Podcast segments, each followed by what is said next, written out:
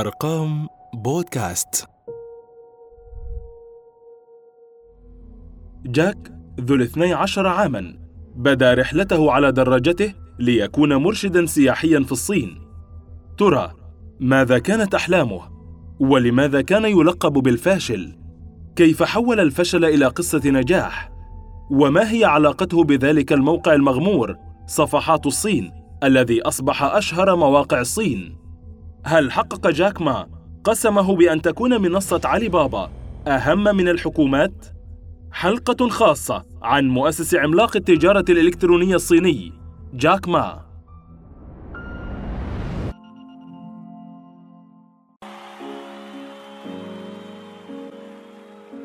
When I'm down and oh my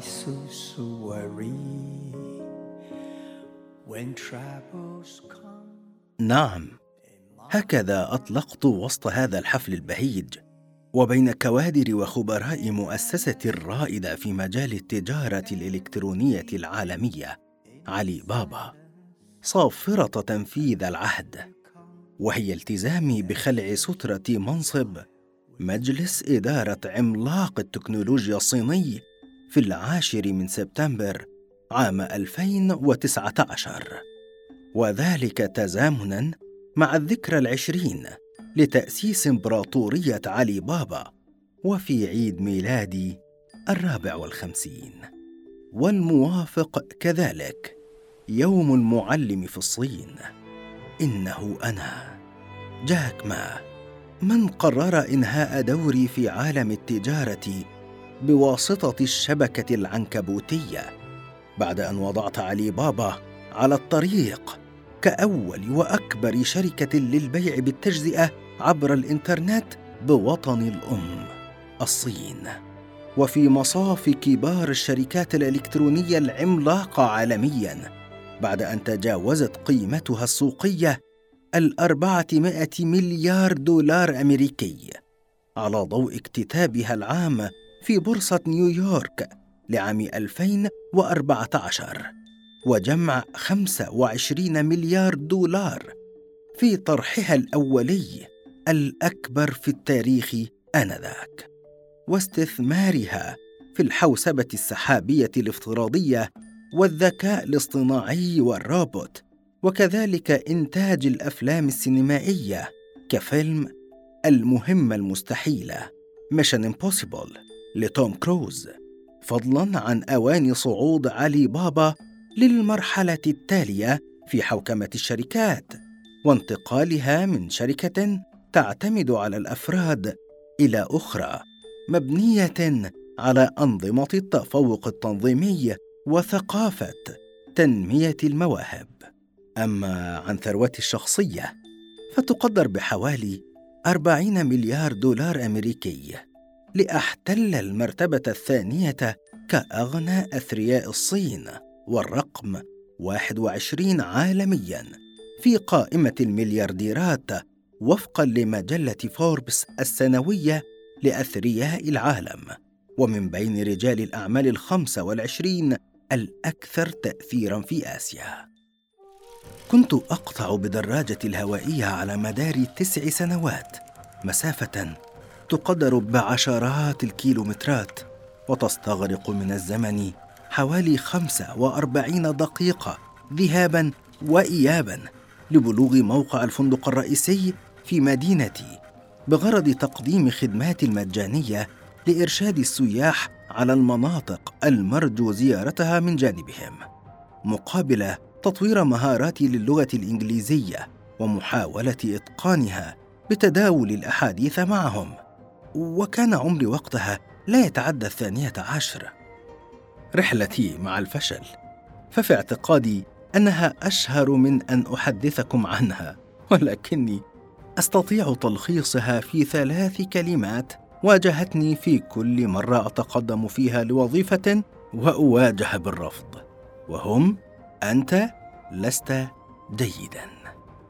وحين كان يتجدد لدي الأمل في الالتحاق بجامعة مثل هارفارد ثم يتبدد على مدار عشر جولات نطقت محدثا نفسي وقتها وقلت في يوم ما يجب أن أدرس هناك. محطتي الوظيفية الأولى كمعلم للغة الإنجليزية التي لم أكن أتقاضى عليها سوى 12 دولارا أمريكيا كل شهر. جاء بعد التحاقي بكلية لتدريب المعلمين في هانغ تشو وكان لهذه التجربة بالغ التأثير على مسار حياتي الفائت والحال كذلك.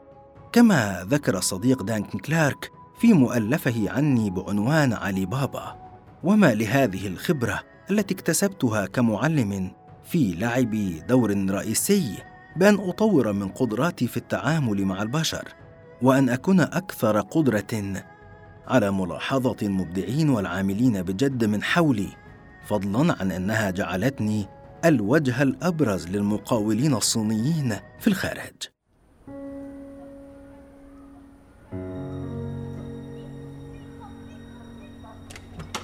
When I come back here, it's, it's like a movie in my mind. أها. عدت مجددا لشقتي التي أسست فيها مجموعة علي بابا القابضة. لتسع فروع رئيسية منذ نحو عشرين عاما. ففي أركان هذا المكان عملنا وأكلنا ونعسنا على مدار عام كامل على الأرجح وكان يتعين علينا تحقيق شيء ما أو الخروج والبحث من جديد عن وظيفة أخرى سويا. ولكنني كنت شخصا أتطلع دوما للأمام وقد فعلناها فبدون تلك الأيام الصعاب لم نكن لنصل لما نحن عليه اليوم مع منظومة علي بابا المؤسسية الكبرى التي تتعدى اقتصاديات دول كالسويد وبولندا وإيران والنرويج والنمسا بفضل التجارة الإلكترونية. صدقت حين قلت إياك أن تستسلم. اليوم يبدو صعبا وغدا سيكون أصعب ولكن اليوم الذي يليه سيكون مشرقا. حينها جمعتهم في تلك الشقة الواقعة في هوبان بمقاطعة هانغ تشو عام 1999 وقلت لهم هنا سنناقش ما سنقدمه خلال الخمس أو العشر سنوات القادمة بما يوضح لنا ما ستصبح عليه علي بابا مستقبلا. هنا في هذه الشقة حددنا الهدف وهو أن نكون من بين أفضل عشر مواقع إلكترونية حول العالم. وبدأنا بتحقيق الحلم. وإطلاق علي بابا بعد تجميع مبلغ خمسمائة ألف يوان من بعضنا البعض أي ما يعادل ستين ألف دولار أمريكي. تذكرت معهم أيضا لحظات العمل المشترك في ثاني تجربة رقمية عكفت على تأسيسها في عام 1995 والمعروفة باسم صفحات الصين وذلك بعد فشل أول تجاربي لموقع رقمي متواضع لترويج المنتجات على الإنترنت. كنت قد أنشأته مع بعض الأصدقاء وقد لاقى تفاعلا جيدا باستقباله خلال ساعتين ودقائق خمس رسائل من مستثمرين صينيين. خرجت صفحات الصين للنور بدعم من زوجتي وصديق لي. وفي غضون ثلاث سنوات كان يعد أول مواقع الإنترنت الرائدة في الصين. وقد حصلت الشركة حينها على عوائد بقيمة خمسة ملايين يوان صينيه لأترأس تباعا منصبا حكوميا كمدير عام بوكالة للتبادل الإلكتروني للبيانات. تابعة لوزارة التجارة والتعاون الاقتصادي بالبلاد. كنت قد أقسمت يوما في عام 2009 وسط رفقاء مشواري وشباب مجموعة علي بابا القابضة أننا سنقدم برنامجا يعمل على بقاء ونمو عشرة ملايين مؤسسة صغيرة وخلق مئة مليون فرصة عمل في أنحاء العالم كله. يستفيد منها مليار مستهلك. على أن تبلغ الصفقات عشر تريليونات يوان صينية وبحلول عام 2012 تجاوز حجم التعاملات التجارية في علي بابا تريليون يوان صينية أعاود معكم الحديث عن عالم السوق الإلكتروني حيث أؤكد مرارا على أنه في حال وفرت مجموعة علي بابا بفروعها التسعة خدماتها لملياري مستهلك أي ثلث عدد سكان العالم. وفي يوم العزاب للشباب الصينيين الذي يعد بمثابة أكبر مناسبة للتجارة الإلكترونية عالمياً بفضل خليفة لإدارة المجموعة دانيال زاند صاحب الفكرة. تتم علي بابا تسوية مبيعات بالمليارات. ففي عام 2018 بلغت القيمة السوقية للمجموعة 69 مليار يوان.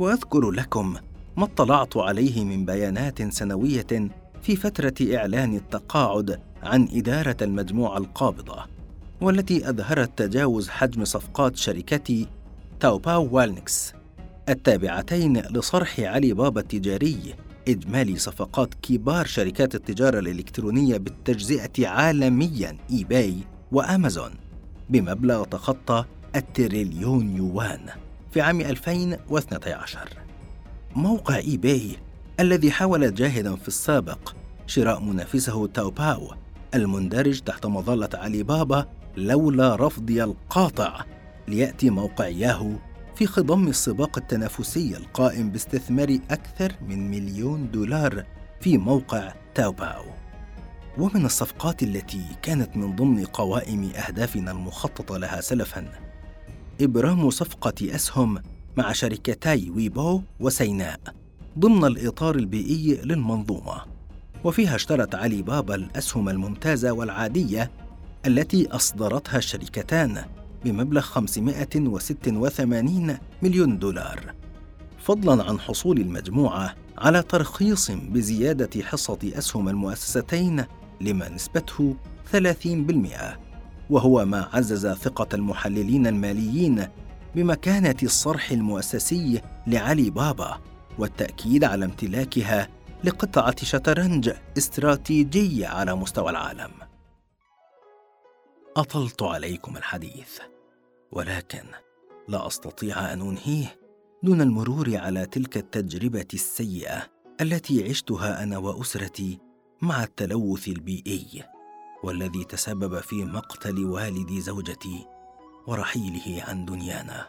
لذا اهتممت كثيرا ولا زلت أحرص على دعم النظام البيئي في بلدي وأطلقت مؤسسة خيرية لحماية البيئة في الصين باستثماري في محمية طبيعية تبلغ مساحتها 27 ألف فدان وانضممت كذلك في 2010 لجمعية حماية الطبيعة TNC كأول رجل صيني عضو بمجلس الإدارة وتبرعت بخمسة ملايين دولار أمريكي لصندوق حماية العالم بالصين CGCF كما أسست في 2014 صندوقا يعمل على تحسين التعليم في المناطق الريفية الصينية التي خرجت منها وأفخر بذلك. وأحب أن أنهي كلامي معكم بمنتهى الأمل ومنتهى الحماس. وكما كرست حسابي على تويتر لمواجهة تفشي فيروس كورونا كرست أيضا ملايين المساعدات لكل دول العالم في حملة أتمنى أن تكون الأكبر بين حملات إيصال الإمدادات الطبية لكل بلد في العالم والتي وصلت بالفعل لأكثر من 150 دولة سواء من كمامات أو أجهزة تنفس صناعي.